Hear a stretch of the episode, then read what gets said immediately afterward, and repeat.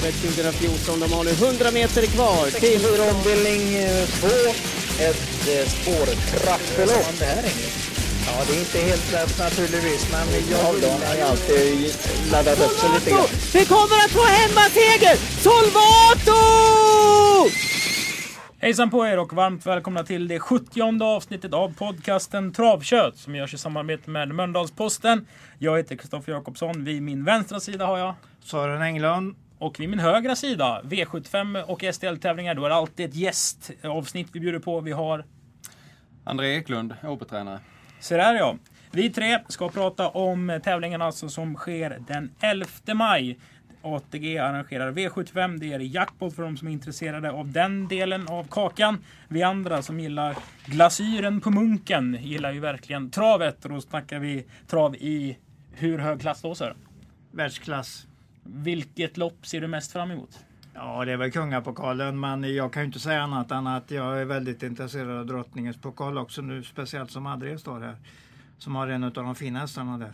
Vi kör alltså konung Gustav Vs pokal, Algotsskotts minne, drottning Silvias pokal och Lyon Grand Prix. Dessutom högklassiga eh, STL-lopp. Vi kör pokallopp och monterna. Det finns något för alla.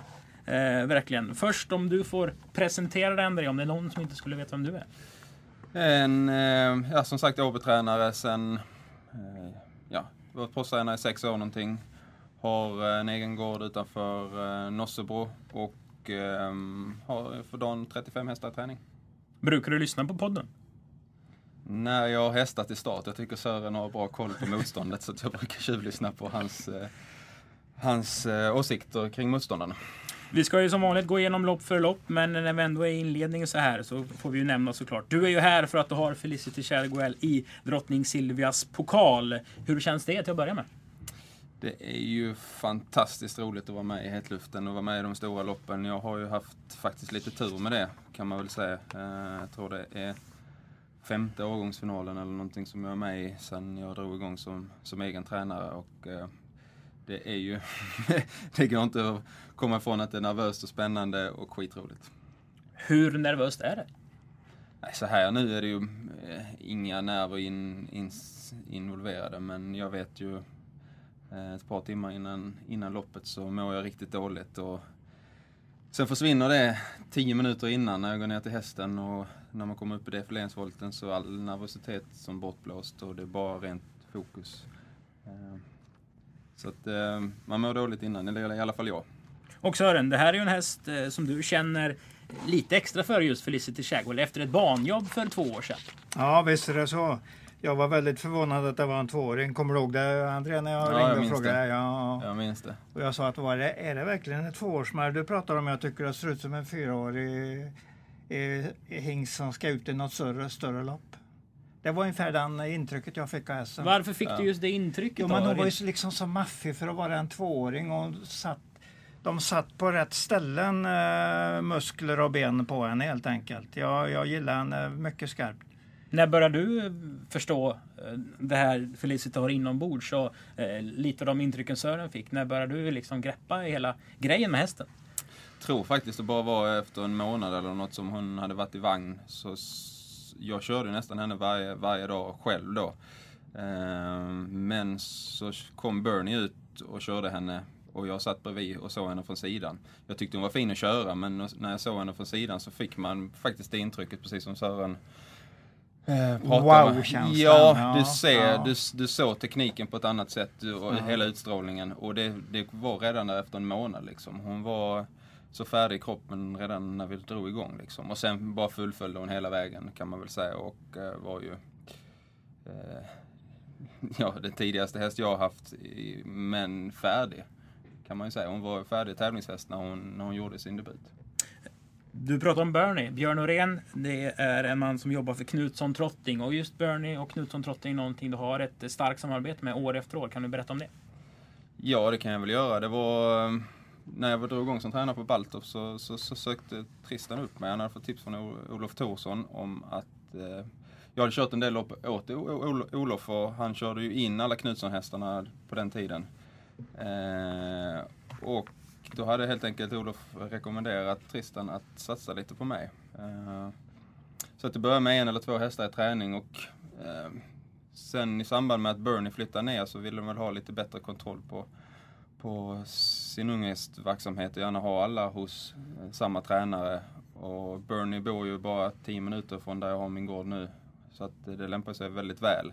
Så att jag kör in alla Knutssons ettåringar och sen får jag bestämma och behålla den jag tycker bäst om. Och det var så jag fick Felicity. Hur har det känts om du hade valt bort Felicity för någon annan och sett hennes framfart efteråt? Då? Är det någonting du tänker ofta på? Eller var det så givet att det var Felicity som var just den hästen? Det var inte så givet därför jag valde mellan henne och en annan. Och, Vad heter den andra? Flaming Rose. Och hon kom aldrig till start. Hon har skeppats över till. Amerika nu som oj. Men hon var också väldigt talangfull kan man säga, Ja. men eh, fick problem med ett bakknä. Det är små eh, marginaler. Ja, men jag ska säga det liksom att i, nu till exempel så senast i, igår eller förrgår var det så eh, debuterade Timo Nurmos en treåring som jag körde in åt Knutsson. Eh, Ghost in the Shell. Eh, och hon eh, gjorde det på riktigt fint sätt på Mantorpan från döden så det är ju bara skitroligt att se. Eh, att Och den valde du alltså bort för... Gambling Face som startar ikväll. Se där. Eh, och det är ju bara ett bevis på att upplägget fungerar och det, det känns ju bara skitbra. Mm. Helt enkelt. Det förstår jag. Då har ni lite koll på André och hans verksamhet. Vi ser det samtidigt som vi öppnar eh, programmet som pryds av Perfect Spirit och Dibaba. Eh, Jon Walter hälsar välkomna. Vi läser lite om hästarna som är med och alla duktiga skötare. Eh, det är en historik i det här loppet alltså. Man kan verkligen snacka om det. 1948 vann Magnifik konung Gustav Vs pokal. Han var ju travintresserad va, den kungen Sören. Du levde ju på hans tid. Mm, ja, det gjorde jag ju, men eh, travintresserad. Johan bodde ju, hade ett eh, semesterställe ute i Särö och så åkte han in till Åby ibland. När, när han var här nere på ett par månader under sommaren. Och det var därför de instiftade det här kung Gustav, eh, eller kungapokalen helt enkelt. Gurra V kallas han för. Ja, det gjorde han. V då, som vet, var den femte. Ja. Dessutom kör vi Algot Scotts minne. Jag eh, var inte född då Algot härjade, men du hade, har koll på honom och hans storhet. Ja visst, så var det ju. Han var ju dominerande med Ragnar Thorngren som skuggan efter honom i listorna nästan år efter år eh, på eh, 40-talet. Var det Algot mot... Eh, Ragnar var, Ragnar, det var liksom. väl så, så mycket i början men eh, Algot var väl något eh, framgångsrikare. vi öppnar eh, sidan 36, lopp nummer 1, Svea Ekonomis pokalloppsmonté. Tänk på att det är lång distans, det är alltså montélopp. Och Sören, din eh, spontana tanke är att... Pacific eh, Face har ju, den är gynnad av distansen och eh, det går ju fint i montén också och Sofia Adolfsson är väldigt duktig så att jag tror ju att det är vinnaren men det kanske är lite småöppet ändå. Det kan väl inte säga annat. Det finns några till som har chans. En eller flera på V4. Ja, du, vet, du vet ju vad jag tänker om sånt där. När jag har en bra eh, första så tar jag den alltid US och så spelar jag en annan lapp med alla emot. Vet Det- du vad det- det är André, när man tar en häst U-häst och spelar många emot? Jag vet inte, jag har inte Nej, fattat hur det jag- funkar efter nio Ja, år. men här. då använder man multiplikationstabell. Eller, ja, multiplikationstabellen använder du ju när du ska spela en V5. Men när du spelar US blir det plus istället med två avdelningar, när, när du ska ta två avdelningar. Och plus blir mycket mindre tal, alltså kan du betala in mycket mindre när du spelar än om du multiplicerar dem. Tar du till exempel 10 tvålopp två lopp, då blir det ju 100. 10 gånger 10 det är 100. Tar du en i ett och 10 i den andra så är det 10. Och så tar du 10 och, och en i den andra så blir det 10 plus 10. 20 enheter betalar du för istället för 100. Det är där du tjänar grejerna. Men du måste få in en US.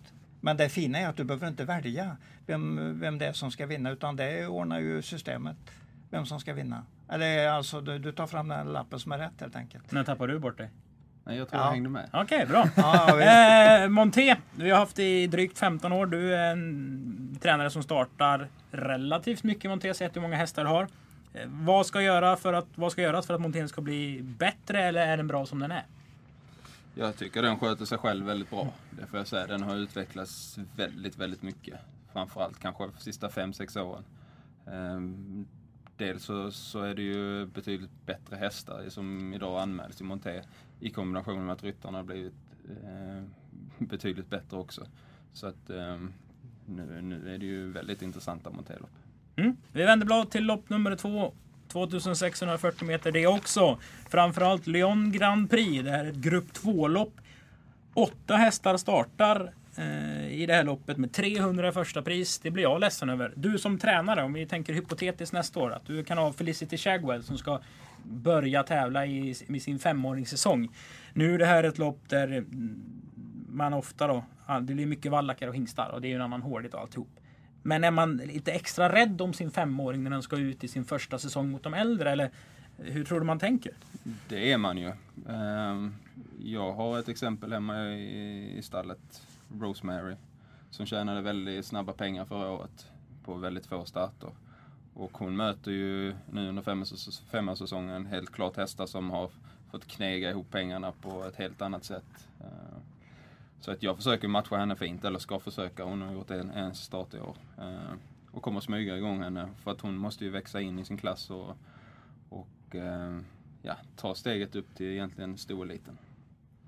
Mm. De åtta hästarna är många fantastiskt bra hästar Englund. Vilken är den bästa? Eh, vi kan ju gå på derbyresultatet i fjol. Hoso vann, han är inte med här. Tvåan var Chianti, den är med. Trean var Sanna Good, den är också med.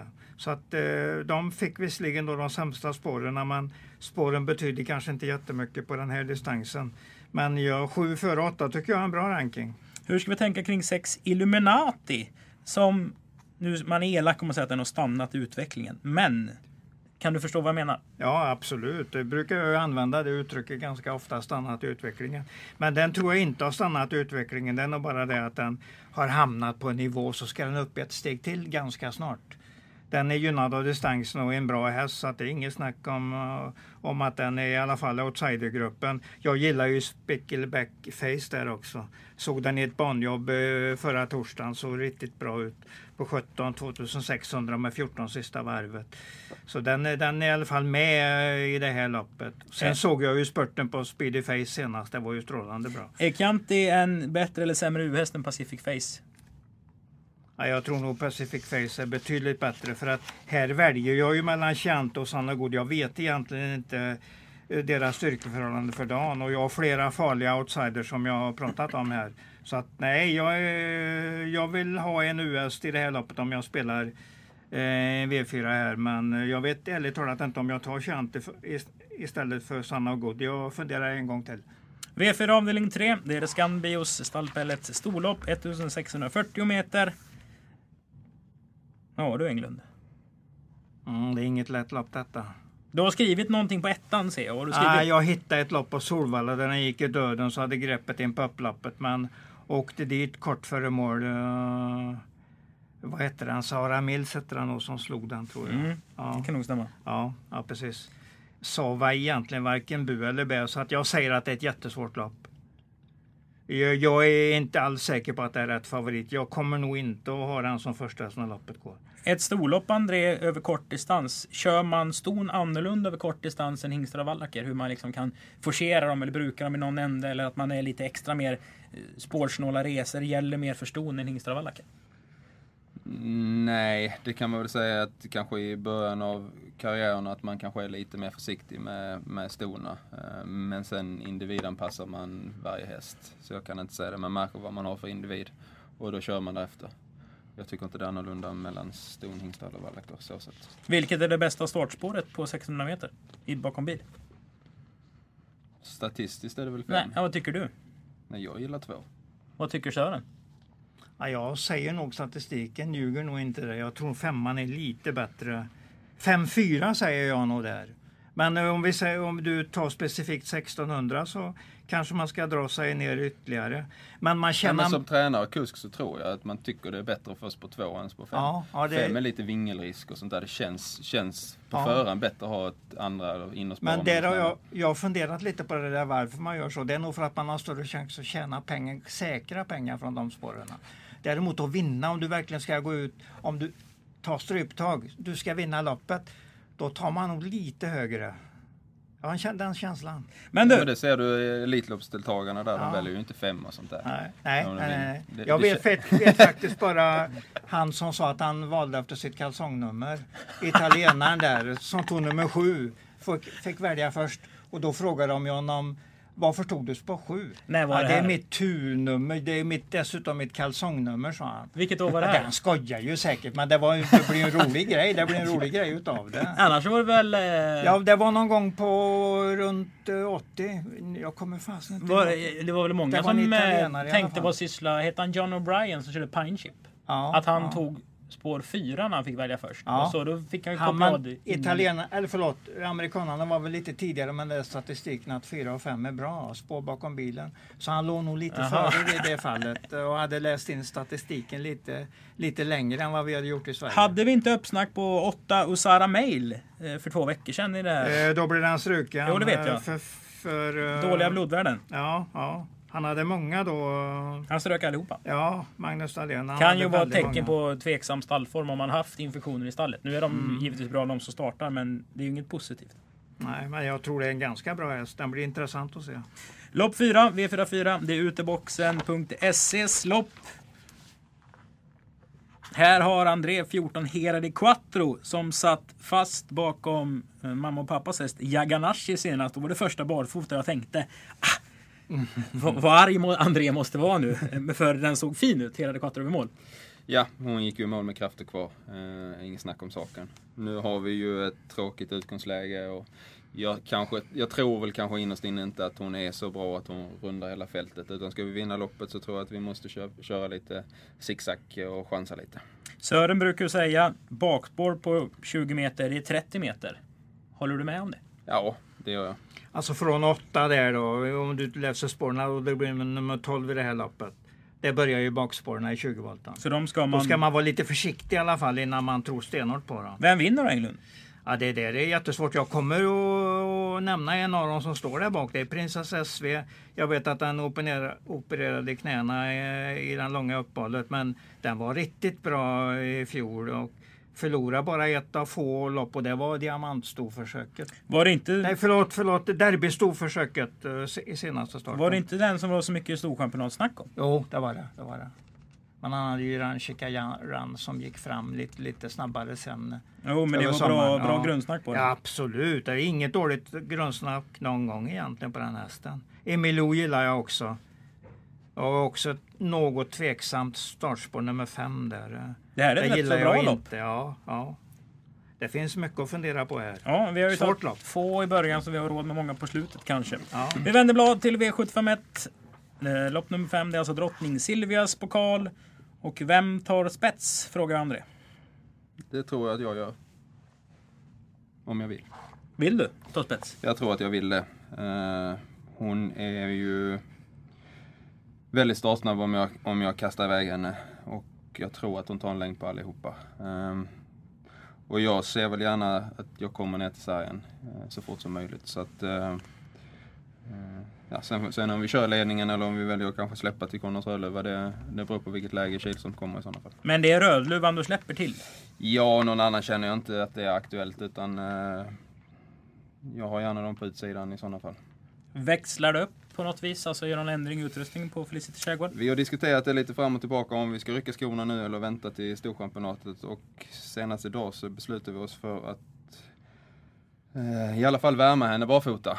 Så, eh, så får vi se hur det känns men jag har inga, jag tvivlar inte på att det kommer vara perfekt för henne. Sen blir det även första urryckare på henne. Så att, ja, det gör ju det hela lite mer intressant med, med de grejerna ihop. Och ett lopp i kroppen. Du stod ju på travgalan vi hade i februari och sa att jag vill inte byta häst med Norge Redén. Nej, och det vill jag inte. Eh, Jag tror stenhårt på Felicity.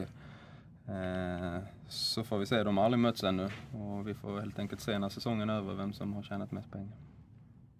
Englund blir det lite enklare snack då. Men ska man spika Konrads Rödluva? Eh, det känns ju ganska vettigt. Men jag gillar snacket som André har här. Att han kanske snabbt tar sig till ledningen. Lagt lite speed, men jag tror inte det är så farligt. Kanske kan gå i ryggen på Konrads Rödluva och vrida ut den någon gång där runt 200 på den. Där har vi sett, eh, det har gått fort för eh, Solvato och Maharadja när de har kommit där i en speed på den eh, från det stället. Så att det, blir, det kan bli nog så intressant. Och det är väl så hon har förlorat några lopp, Konrads Rödluva. Två lopp är det väl hon har förlorat. Hur, eh, Högt ska man... Ordentligt, ordentligt. Hon har förlorat två lopp ordentligt. Ja, en gång när hon galopperade var 150 meter efter direkt. Det kan vi inte räkna. Tappar man inte Racing Brodda lite någonstans? Alltså om man kollar vad den har gjort på slutet och framförallt mot A Sweet Dance. Ja, Nu bra. vet man ju inte exakt vart A Sweet Dance står Nej, i år, ska man väl säga. Men den där hästen, eh, den har någonting tycker jag. Mm, och jag håller med dig delvis. Men jag tycker inte vi ska gå ifrån Felicity Chagwell i uppsnacket bakom Konrads Rö- Rödluva. Det är alltså andra Ja, hästen. jag lägger de två. Om jag gör ett system kanske jag tar de två. För jag är lite fascinerad av Andreas snack här. Ser lite ändringar och han vill liksom sikta på den där speeden in på upploppet. Det, jag tycker det låter jättebra. Det kan gå, det kan gå. Vi kan inte, vi kan inte vika oss förrän det är provat. Nej, det gör vi inte. Om man Nej. kommer ut eller kommer i mål som tvåa, eh, säg att du blir slagen med en längd. Är den första känslan att jag har förlorat eller att jag har vunnit en andra plats? Ja, det kan jag inte svara på. Det får man ju känna känslan direkt. Ja, men hur- alltså, alltså en i- vecka efter kommer jag över Okej. med en andra plats gar- garanterat. Men om man... Ja, direkt efteråt så vill man ju ha vunnit loppet så är det ju Det ganska gick bra. 11 och 4 i fjol det här loppet va? Om jag inte minns. Ja, det Babba. Men det var ju ett Ja. sjukt lopp för det var ju sån hare där framme, Riordan-hästen. Ja, Just jo, det det är rätt. Det blir ett lite eh, tempomässigt Det ett svårt, svårt lopp att förutse. Helt rätt. Som man säger. Ja, det med Ja, men jag, jag tycker absolut vi ska snacka upp Felicity Chagwell. Det är den eh, som vi ska gardera Konrads rödlu- Rödluva med. Annars så kör vi Rödluvan spik helt enkelt om vi inte tar ett dubbelstreck på Felicity Chagwell. Då gör vi så. Vi vänder blad till lopp 6, V752. Svea Ekonomis lopp. Bronsdivisionen, det är voltstart det här också. Då brukar man ju tänka på springspår 6 Pasto Pavro 7 Sevilla. är väl inte några speciella st- startraketer någon av dem egentligen. Så att de kommer iväg stabilt och bra tror jag. Men eh, Vem vinner det här då? Ja, det här är ett väldigt lurigt lopp. Här gäller det att ha med sig många streck. Om man ska, jag tror Prischer, vilken Prischer är struken? Den, Mm, den är struken. Ja. Den har feber. Ja, oj då, oj då, oj då. Björn Goop på Vladel Ronco och nu har han fått lite, lite tid på sig att smälta sista loppet. Fast den sa du ju sist att jag var inte nöjd med att den skulle gå till vinter eller sommarvila. Eh, Du gillade inte när det snacket kom upp Nej, så var den nej. anmäld. Och den var ju dålig. Även om den galopperade. Direkt dålig var Ja. den i den starten. Ja. Det går, fanns ingen ursäkt för varför den var så dålig. Men troligtvis var det för att eh, eh, Seka Edvin där hade ställt av den lite grann. Han hade, sikt, han hade siktat på vila.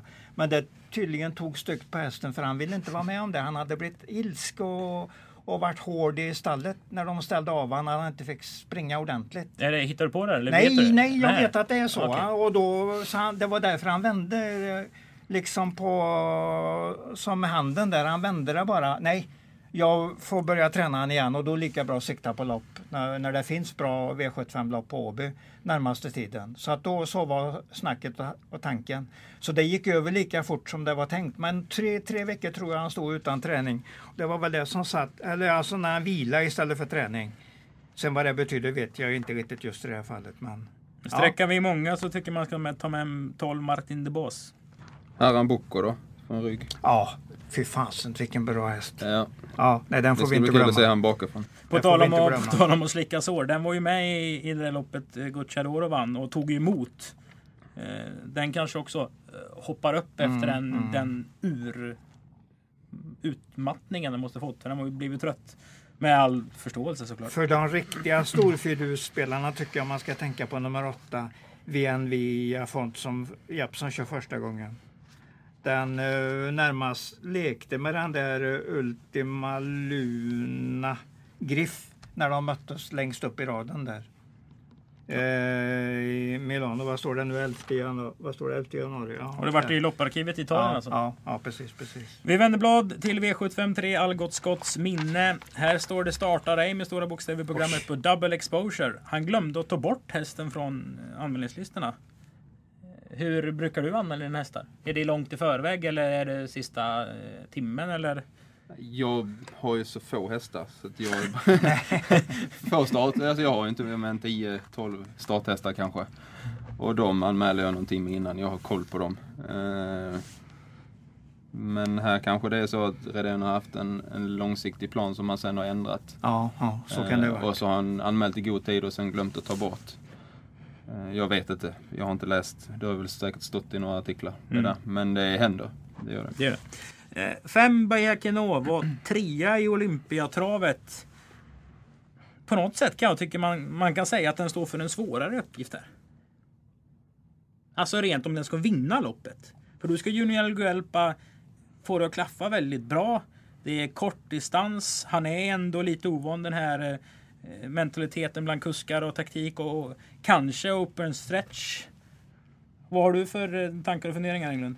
Ja, den funderingen har jag ju inte att det är en svårare uppgift än att möta Propulsion. Det, så Alltså, tänker jag ju svårare inte. om man ska vinna loppet. Ja, han hade en jag- jag- enklare jag vet- uppgift. jag på hörde att du sa precis han, det. Jag Kör han för att liksom få så bra pengar. Ja, ja. Kommer du spika? Nej, det, gör, det här loppet är jag långt ifrån klar över. Jag kommer väl ha med eh, ett par, tre, fyra hästar någonting tror jag. Vilka då? Ja, eh, jag tar ju med Day och Night In tycker jag eh, står bra till. Det är bara spåret som är dåligt. Tar väl med Pro Whoopi, den tycker jag är en väldigt fin speed. Så att den, den kommer jag att ta med. Det är väl de tre som jag tänker få först. Två, fem, åtta. Så får jag väl in en del. Söker lite informationer och får in lite information på någon annan som jag slänger med också antagligen. Leonel vet jag inte vad jag har för alls för dagen. Fick stryket av den där Giant eh, Invalid senast i alla fall. Mm. Vad säger du om loppet André? Ja, vad, vad, vad ska jag säga? Det är väl ett intressant, eh, en intressant gulddivision, helt klart. Det är många fina hästar. Vi vänder blad till V75 avdelning 4. Det är hästens lopp och det är inte vilken häst som helst utan det är hästens säng. Ja, just det. Eh, och sova bör man göra ibland. Det kommer kanske inte eh, Timo Nurmos göra så gott om det inte blir ett bra resultat. För han har ju hela tre hästar med i det här loppet. Eller så vill ha gått ändå. Men tre av tolv är alltså Nurmos. Hur eh, troligt är det att han får komma till vinnarcirkeln Englund? Jo, det är väl lika troligt som att, eh, att det inte blir så. Men jag, jag säger nog att det är lite troligare att han har vinnaren. Men det finns ju några formhästar. Victoria Lane är jag väldigt nöjd med vad jag ser på slutet. Så att eh, den, den kommer att slåss. Den dyker upp där med en fin speed ut i banan och kommer att vara med dem i, i mål. Gambit Brodde naturligtvis nummer ett. Står ju mycket bra till. Men Victoria Lane, då måste vi snacka 5 Ston mot Tingstar, bakspår Ja. över 16.40. Har en väldigt, väldigt bra eh, sprinter, eh, sprinterresultat. Väldigt bra sprinterresultat. Har inte varit hos Jocke allt för länge heller så att det är möjligt att han får den bättre hela tiden. Nej, den går sina 10 sista 800 i tredje spår här och den då är den i alla fall med på linjen. Sen kanske, det är inte säkert den vinner men den eh, kommer att vara mycket nära. Det är många fyraåringar med i loppet, eh, Eklund. Är det något som man ska tänka på eller som något som du tänker på att man vårdar dem lite extra också? Eller är de så bra om man tjänar 200 000 som fyraåring så, och är bra så duger man på V75? Nej, men det är flera här som, som säkert tränarna har stora förhoppningar på och kanske har lite i planen att det kan vara aktuellt med, med derbytagningar framåt hösten. Uh, och då försöker man ju matcha dem fint fram tills dess och inte starta för tätt till exempel. Och sådär. Marcelo Vibb vet ju att eh, Johan Untersteiner alltid har hållit väldigt högt men kanske inte fått den utdelningen som, som han riktigt trodde på på förhand. Eh, det tycker jag man ska ha med sig här för att eh, eh, det är en riktigt fin häst. Mm, nummer 12 alltså. Marcelo Vibb. V75 avdelning 5, Svea Ekonomis eh, lopp. Det är silverdivisionen. L'Esperanza gjorde vad då på Solvalla Sören? Snabbaste krockningen jag tagit någonsin senast från 800 till 300. 31,84 sekunder. Säg direkt vad det är för tid. Hur lång sträcka? 500, 500. 31,84 visar klockan. Det kan ju inte stämma. Om det stämmer inte, säger du det till mig? Som har suttit och klockat minst fem gånger. Hur snabbt är det då? 03,7. Så fort har jag aldrig kört. Nej men det är ingen som har gjort det. Ingen som har gjort mer än Björn Goop med Esperanza. Jag vet att jag sa till eh, våra goda vänner, de som har Johanna, Ja. att nu har Johanna gått 500 snabbare i ett lopp än Sebastian K gjorde någonsin. Och jösses vad stor han blev, Kalle, när jag sa det till honom. Oj, menar du det? Är det sant? Är det sant? Ja, och då hade jag haft 32 någonting, 32, 90 någonting på, på henne Och för de som 500 inte då har klockat eh, åtta- Ja. 800 till 300 kvar så Ja. jätteofta. Det är inte ofta man springer så fort. Nej, nej, nej, nej, nej, det är det snabbaste. Och det, jag har ju en hel del klockningar. Jag vet inte hur många klockningar jag har gjort. Det har jag ingen anledning att tänka på. Men det är väldigt många, det kan jag säga direkt. Vinner den då? Ja, det är det, det som är problemet och hur vi ska tackla det här i och med att det är två sexlopp mot hingstar och vallacker. Det är ingen riktigt jättebra uppgift. Och stor, vi får räkna med att han blir rätt så stor favorit också. Och då, då har vi spelvärde emot egentligen. Antonio Trott, fin stayer. Är det verkligen det? För mig är det en jättefin stayer så att det, är den, det är den jag tänker på direkt som är riktigt hårda motbudet. Island Life har ju liksom Ja. torskat två lopp i rad men ändå varit så här nästa gång. Ja absolut. Har jag absolut. känt. Den, är, den är tidig. Den är mycket tidig. Men vi garderar Esperanza. Ja. Det, varför inte det? Alltså grundsäkert tycker jag inte känns rätt. Vad man än klockar. Tänker du annorlunda när du kör 2,6 på Åby med open stretch än 2,6 på andra banor? Och på vilket sätt i så fall? Ja, det gör jag nog. Ehm, av den anledningen att det är över 2,6 så har du en stor fördel av att ligga på innerspåret. Ehm, just för att det blir många, eller en kurva extra. Ehm, och på innerspåret på Åby så får du lite chansen till slut. Men loppen körs ju också annorlunda. Det släpps ju betydligt mycket mer på eh, Åby lång distans här än vad det gör på andra banor. Så att det gäller ju inte att hamna för långt bak men, men visst, eh, hellre innerspår på Åby än, eh, än någon annan bana. Vi har en häst som jag ville förhöra mig lite om Sören. Nio Jula Downtown var med i Kungapokalskval senast, 23 gånger pengarna. Du tittar på hästen inför loppet eh, noggrant. Vad tyckte du att du, man kunde se i alla fall? Jag var ju inte hundraprocentigt nöjd med hur den rörde sig eller hur den såg ut. Men den var helt okej efter galoppen i, i loppet. Den gick runt eh, 12-1800 meter och det får man väl vara lite nöjd med. Och jag hade ju pratat med Ulf Stenström strax innan och han, han sa ju att han har mycket att göra på den hästen. Han, egentligen hade han inte velat starta men han, det var ju svårt att välja bort ett kungapokalskval när det hände och hästen stod så nära banan där de skulle tävla på. Så att han gjorde ändå åt starten men han sa att jag kommer att kommer att ha mycket, mycket nytt på den hästen närmaste tiden och det kommer att hända mycket med den hästen. Så att Ulf Stenström var i alla fall eh, han var förhoppningsfull för framtiden. En framtidshäst kanske? Ja, ja. Nio Jula Downtown. Eh, lopp nummer 10, Svea Ekonomis lopp, DRV 75 avdelning 6, dagens dubbel avdelning 1. Lite samma med L'Esperanza kan man ju tycka om 6 whip, Whipped Eggs. Senaste insatsen var jättebra. Men räcker det, bra. Usch vad bra den var. räcker det på lördag? Ja, det är den, jag är rädd för den Melby Club. Jag tycker den har, har varit bra och då, då går jag lite grann även på att han var spelat till 4 och 10 i Örebro International. Och det, det blir man ju inte om den inte är stora förhoppningar eller förväntningar på den inför den starten. Och då gjorde han bort sig så det är inte mycket att diskutera vad som, vad som hände med den egentligen. Hästar som vinner mycket lopp tycker jag att eh, man ska reagera på, eller tänka på i alla fall. Gustavsson B står dessutom bra in i klassen. Han har 5000 till gränsen när hästen åker upp hit. De vill kvala in till Elitloppshelgen. Viktor Gens kör. Var ska vi sätta in den här Englund? Då har du varit i det, i det italienska lopparkivet. Det här behöver inte gå så långt. Det, det är en Commander Crow-kopia men tagga ner den 5 cm ungefär, Commander Crow 5 cm så hamnar du på den här hästen. I storleksmässigt det, alltså. Ja, just, just det. Just, det. just då, då är det Gustav B vi pratar om. Jag tycker den ser fin ut så att jag, eh, jag tror den är väldigt nära. Min A-grupp, kanske den eh, stora A-gruppen blir 6, 7, 8. 6, 7, 8. Ja, jag kanske inte delar på dem, det vet, vet jag inte än. Men Och 7 Mellby Club var ju alltså, eller Mellby Club, var ju en av förhandsfavoriterna i Örebro International. ja, eh, precis. bara för en precis. vecka sedan. Ja. Så att där verkar det vara bra form. Viktor Gens kör André. Det har varit mycket debatt om eh, drivningar, utländska kuskar, hur man gör och inte. Vad tänker du på när du kör i ett nytt land? För det händer ändå. Du är okej, Norge Danmark, men ändå. Ja, man försöker ju ha koll på reglementet till att börja med. Eh, och sen var jag ju till exempel i Berlin och körde och där körde de med helt andra marginaler kan man väl säga. Eh, så det var lite svårt att anpassa sig bara för ett lopp. Eh, Hur var det man kör med andra marginaler i Berlin till exempel? Nej, där var det mer att här flytt, här, där fick man bara flytta sig.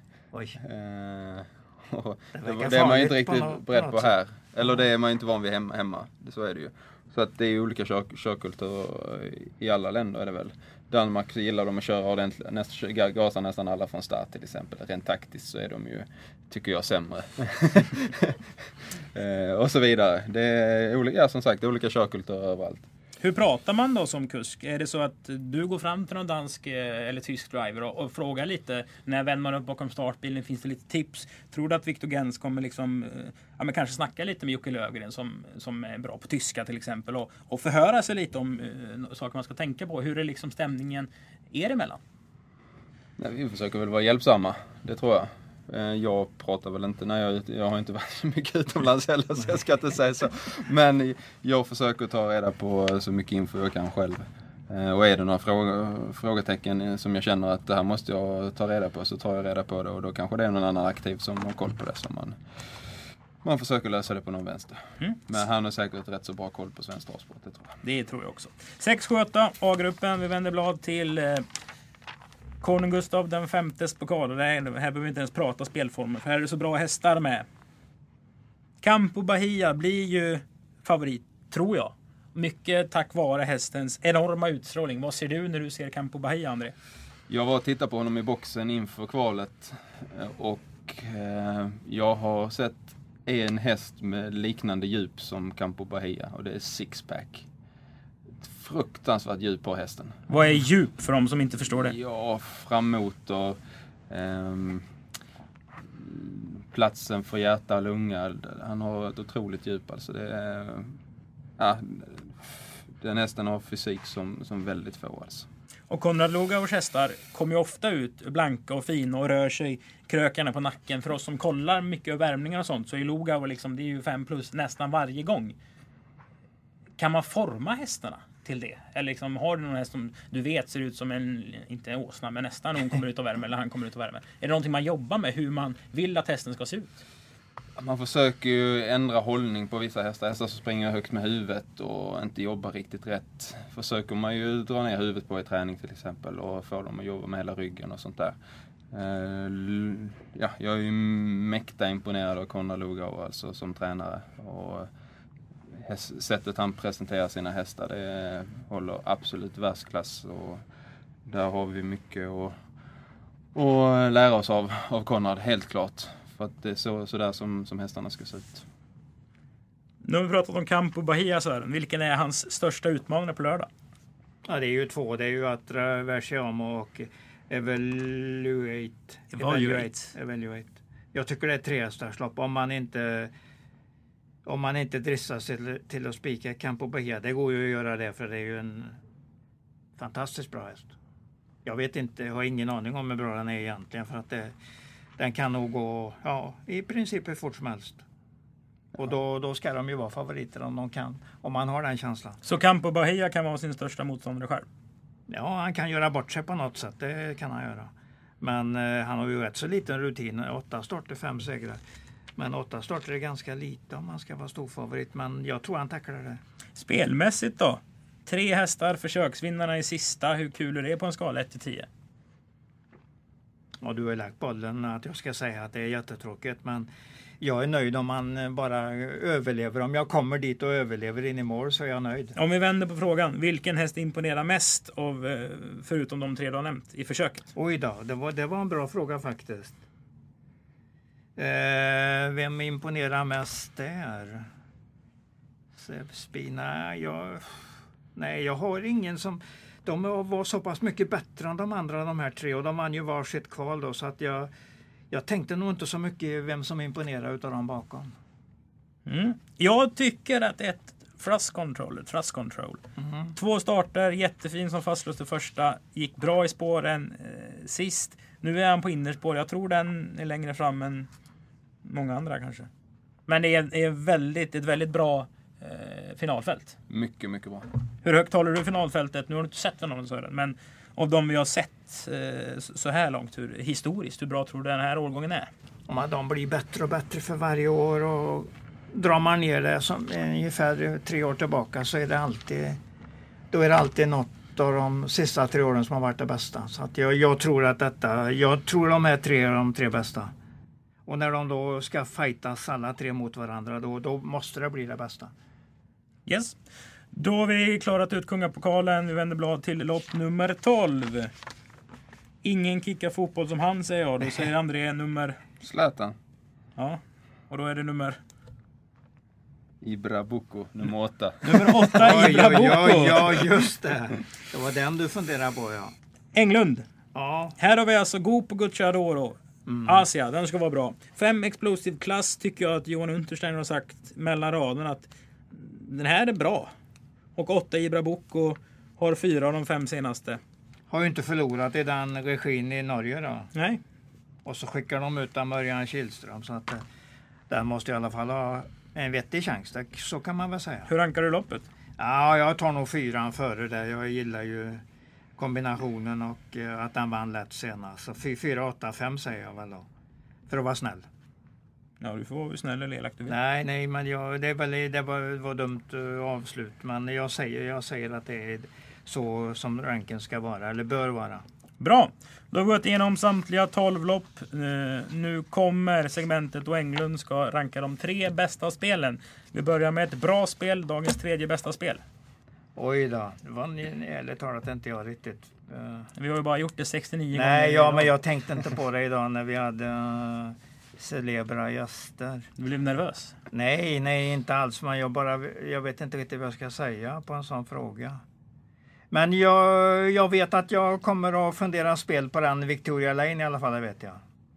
Så att V75 4 nummer 10. jag, jag, tar den, eh, jag tar den som ett roligt spel först. Dagens näst bästa spel. Ett mycket bra spel. Ja. Egentligen skulle jag ju säga Felicity Shagwell vinnare och plats. Det ska man nästan kunna gå plus på, eller som man inte förlorar i alla fall. Ja, Jag säger inte den vinner, det, det vore ju väl fräckt. Men uh, mot en sån bra som Konrad Rödluva, som väl nästan går under den rubriken som Campo Bahia, den kan vara hur snabb som helst, hur kapabel som helst. Men det vet vi ju inte. Vi får, Nej, vi vet inte. Du ska ju syna det ordentligt. Det är det där rycket 200 kvar. Vad som händer då, det är det som är intressant. dagens bästa vinnare. Ett görbra spel Englund. Var hittar vi det? Ja. In, inte helt lätt. eh. om jag ska göra något helt oväntat så säger jag att eh, jag tror att Edvin Seka har vänt, vänt formen totalt och så får han hjälp av Björn Goop. På Vlad eller Vlad Ronco. eller Ronco. Så jag slänger mig över den tror jag. Mm. Och så kan vi avsluta med alltså världsrekordet i travtävling. Mellan 800 och 300 kvar. Det har L'Esperanza enligt Sören Englund. Och då hade du på Nej klockan... men världsrekord har jag inte sagt. Nej, Sven, men det säger Sverige, jag. Vi får Sverige, ja, väl visst, krydda ja, på lite. visst. Hur många sitter och tar och sådana klockningar. den gick 0 03,7. Du hade 30. 31,84. Tar jag det riktigt noga så blir det 03,68. Men det höjer jag matematiskt till eh, 03,7. För det ska kunna gå att komma ihåg det också. Eller hur? Precis. Ja. Med de orden så ska vi säga tack för att ni har lyssnat på det 70 avsnittet av Travkött. 11 maj alltså. Finalen i pokallopparna. Tänk på alla så, på ni som kommer hit att eh, ni har med legitimation för att spela och göra spel i tid så vi undviker kösituationer vid totoluckorna. Dessutom är det Comic Con på Åbymässan. Så mycket folk kommer eh, stövla in här och ha lite serietidningstänk runt omkring sig. Sören har lovat att klä sig till Blåbärskungen som var hans favoritkaraktär i Åsödens BK i Buster. Är det sant? Vad tror du? Nej, det är inte omöjligt. I alla fall, ha det gött. Hej då!